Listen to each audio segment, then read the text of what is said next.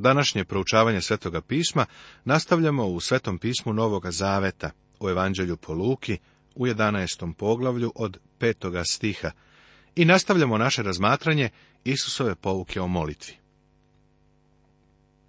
Ovaj učenik je molio gospoda, nauči nas da se molimo, kao što je Jovan naučio svoje učenike. Ovo je neočekivan uvid u život Jovana Krstitelja, neka vrsta pogleda za doviđenja, jer je ovo posljednji put da ćemo ga vidjeti. U ovoj posljednjoj slici šta vidimo? Vidimo Jovana kao čoveka molitve. Nauči nas da se molimo kao što je Jovan učio svoje učenike. Da li će ovo iko reći za tebe ili mene? Sve velike Božije sluge su bili ljudi molitve. Neplodni hrišćanski životi i mrtvilo crkve danas rezultat su odsustva molitve. To je naš problem. U odgovoru na njihovu molitvu, gospod im daje ovo. Ne verujem da je imao nameru da to postane molitva koju tako često čujem na javnim bogosluženjima. Ovo ne treba da bude učvršćeni oblik javne službe, nego spontana, lična molitva, kao kada sin razgovara sa ocem. Bog otac me poznaje, a ja ne smatram da on želi da zauzmem neki melodični, neprirodni glas, kitnjasti jezik. Mislim da on želi da govorim kao neki tamo Vernon McGee. Ne želim da budem govorljiv. Tako sam umoran od govorljivih ili rečitih molitava, a mislim da je i Bog umoran. Hajde da sada pogledamo neke elemente molitve. Prvi deo je slavljenje. Neka se sveti ime tvoje. Neka dođe carstvo tvoje. Jeste molitva da se Božja volja ispuni na zemlji. U ovome je sadržano gušenje zla i podstisanje dobra. To znači da u svom životu posjeduješ želju za Božjom voljom. Beskorisno je izgovarati reči molitve, ako tako i ne misliš. Ovo je molitva koju izgovaraju vernici, a nije za nespasene ljude. Postoji i molitva za nespasene koja glasi, Bože, smiluj se meni grešnome, ali ona može biti i jednostavnija od toga. Bog jeste milostiv i može da ti pruži svoju milost.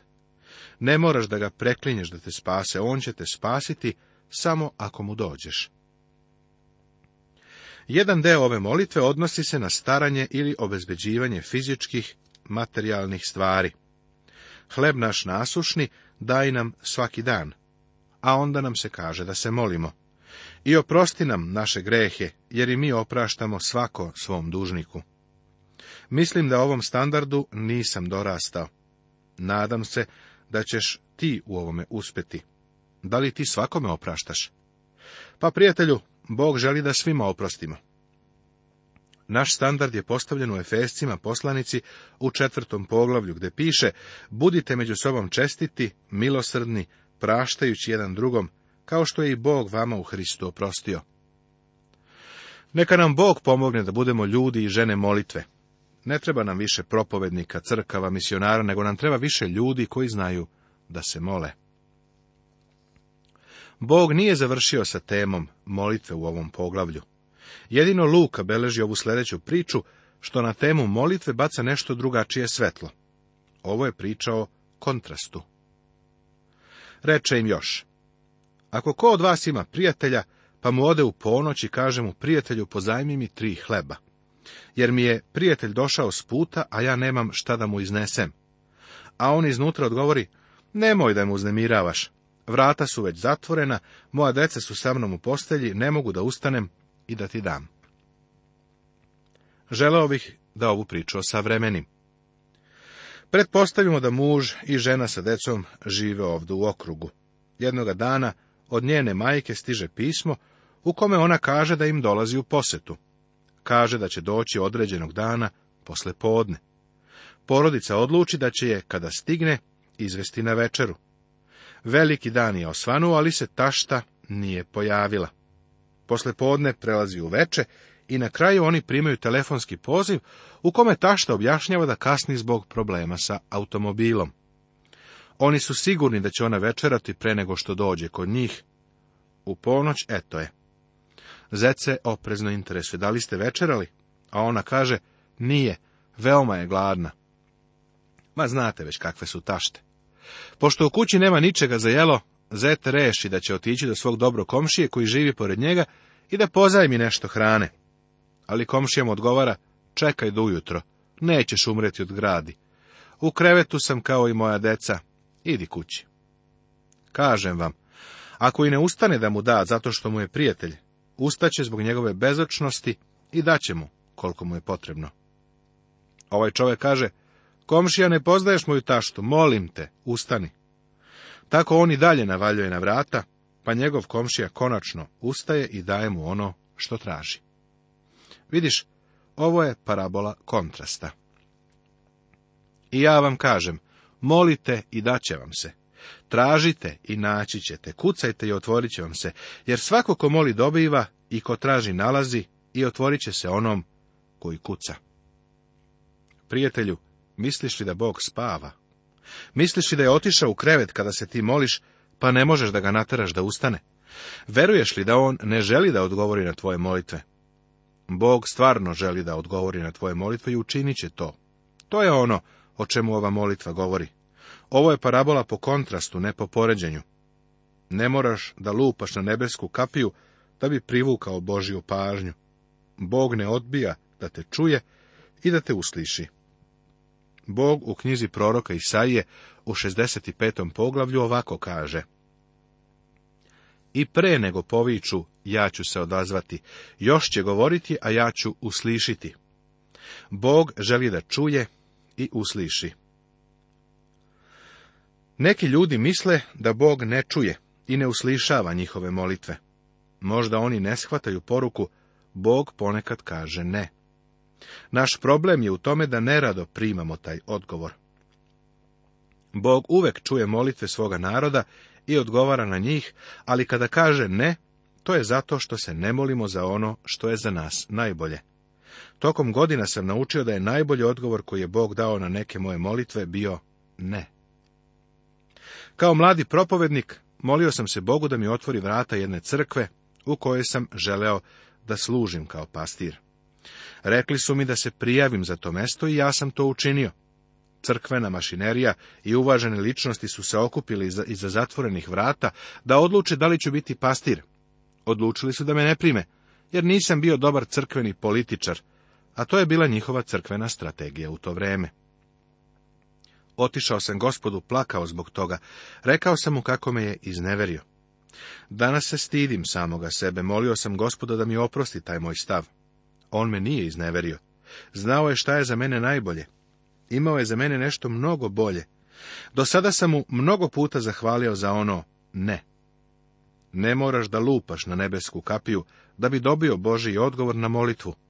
Bog nije otišao na spavanje. Vrata su širom otvorena i on kaže, kucaj, traži, moli. U molitvi sve iznesi pred Boga, a on će ti dati svoje najbolje. Koji je to otac među vama koji će svom sinu kad zaište hleb dati kamen? Ili ako zatraži ribu, hoće li mu umjesto ribe dati zmiju? Pre nego što u molitvi izađeš pred Boga, budi siguran da on jeste tvoj otac a svima koji ga primiše dade moć da postanu deca Božija, onima što veruju u njegovo ime, kaže Evanđelje po Jovanu u prvom poglavlju. Ako veruješ da je Gospod Isus Hristos umro za tebe i da je vaskrsnuo za tvoje opravdanje, onda si sin Božiji. Kada veruješ u Hrista kao svog spasitelja, kada si kršten duhom svetim u Božiju porodicu, tada si sin Božiji, koji može otići Bogu i reći, oče, ako svog zemaljskog oca zamoliš za hleb, da li će ti dati kamen? Ako mu zatražiš ribu, da li će ti dati zmiju? Možeš li zamisliti da jedan otac tako radi? Ili ako zaište jaje, hoće li mu dati skorpiju? Kad dakle vi, kao zli ljudi, umete da dajete dobre darove svoje deci, koliko će više Otac Nebeski dati duha svetoga onima koji ga mole? U to vreme on je svojim učenicima rekao da se mole za duha svetoga. Koliko ja mogu reći, oni za duha svetoga ipak nikada nisu molili. Kasnije je Hristos rekao, primite duha svetoga. U to vreme, pre Pentekosta, duh sveti im je bio potreban. A onda, na sam dan Pentekosta, došao je i krstio ih u telo vernika, što ih je smestilo u Hrista. Tog dana su se ispunili svetim duhom. Takvo ispunjenje je nešto što svakome od nas treba. Svi vernici su kršteni u Hristovo telo, jer smo svi mi jednim duhom kršteni za jedno telo, bili judeji ili grci, bili robovi ili slobodni, kaže prva poslanica Korinčanim u 12. poglavlju u 13. stihu. Isus je optužen da demone isteruje pomoću Velzevula. Ovaj događaj je zapisan i u Matevom evanđelju u 12. poglavlju, kao i u Markovom u 3. poglavlju.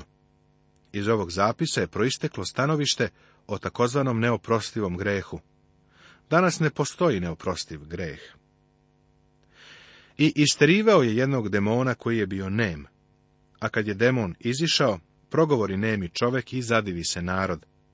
Ali neki od njih rekoše, on isteruje demone pomoću Velzevula, demonskog vladara. Uzbudljiva i ubedljiva priroda Isusovih čuda prisilila je fariseje da za njih ponude neka objašnjenja. Oni nisu mogli da poreknu postojanje čuda kada su se ona dešavala pred njihovim očima. Pribegli su najnižem i najbezbožnijem objašnjenju za Isusova čuda.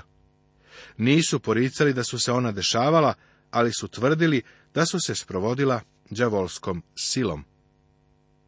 Drugi su ga pak kušali i tražili od njega znak sa neba. A on je znao njihove misli i reče im, opusteće svako carstvo koje se razdelilo protiv samoga sebe i kuća pada na kuću. Iako se satana razdelio protiv samoga sebe, kako će se održati njegovo carstvo?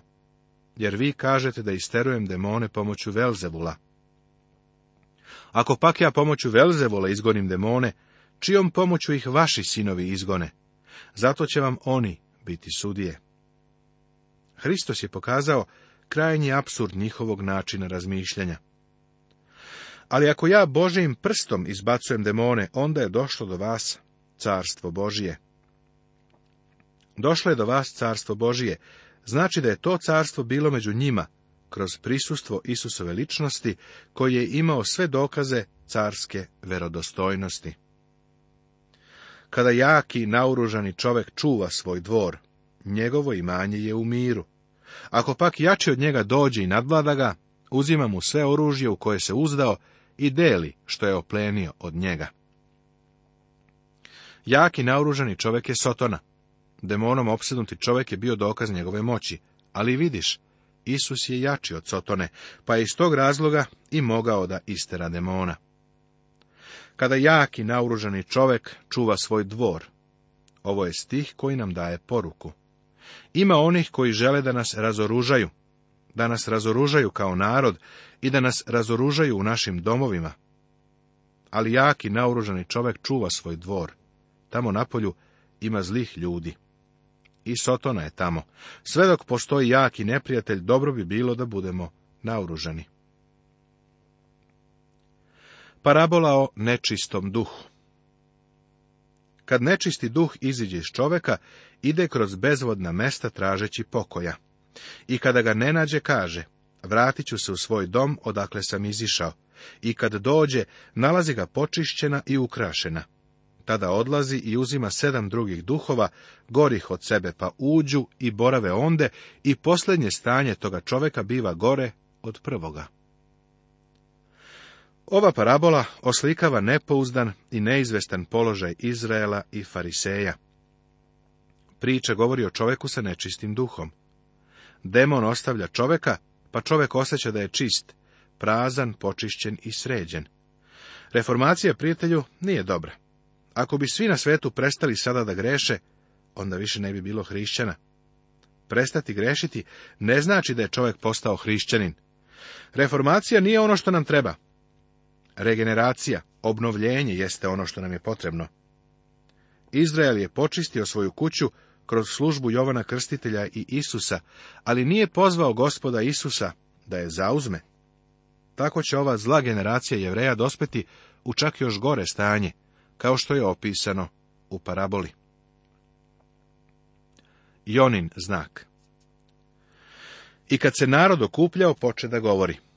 Ovaj naraštaj je rđav naraštaj traži znak, ali znak mu se neće dati osim znaka Jonina. Kao što je naime Jona bio znak ni Nevljanima, tako će i sin čovečiji biti ovom naraštaju. Kraljica Juga ustaće na sudu sa ljudima ovog naraštaja i osudit će ih, jer je došla s kraja zemlje da čuje Solomonovu mudrost, a vidi ovde nešto više od Solomona.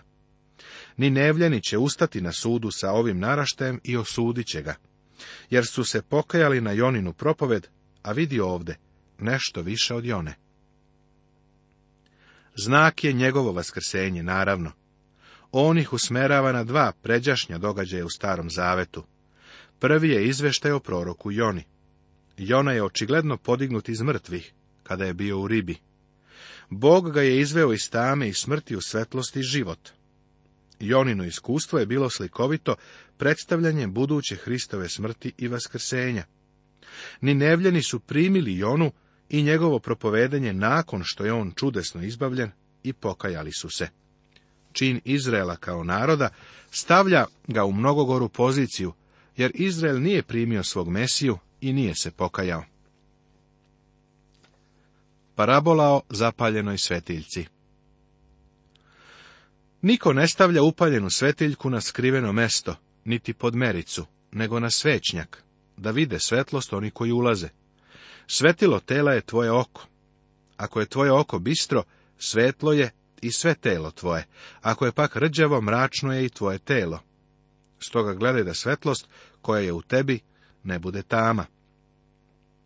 Ako je sve tvoje telo svetlo, tako da nema ni jednog mračnog dela, ono će biti sve svetlo kao kad te svetiljka osvetljava svojim sijanjem.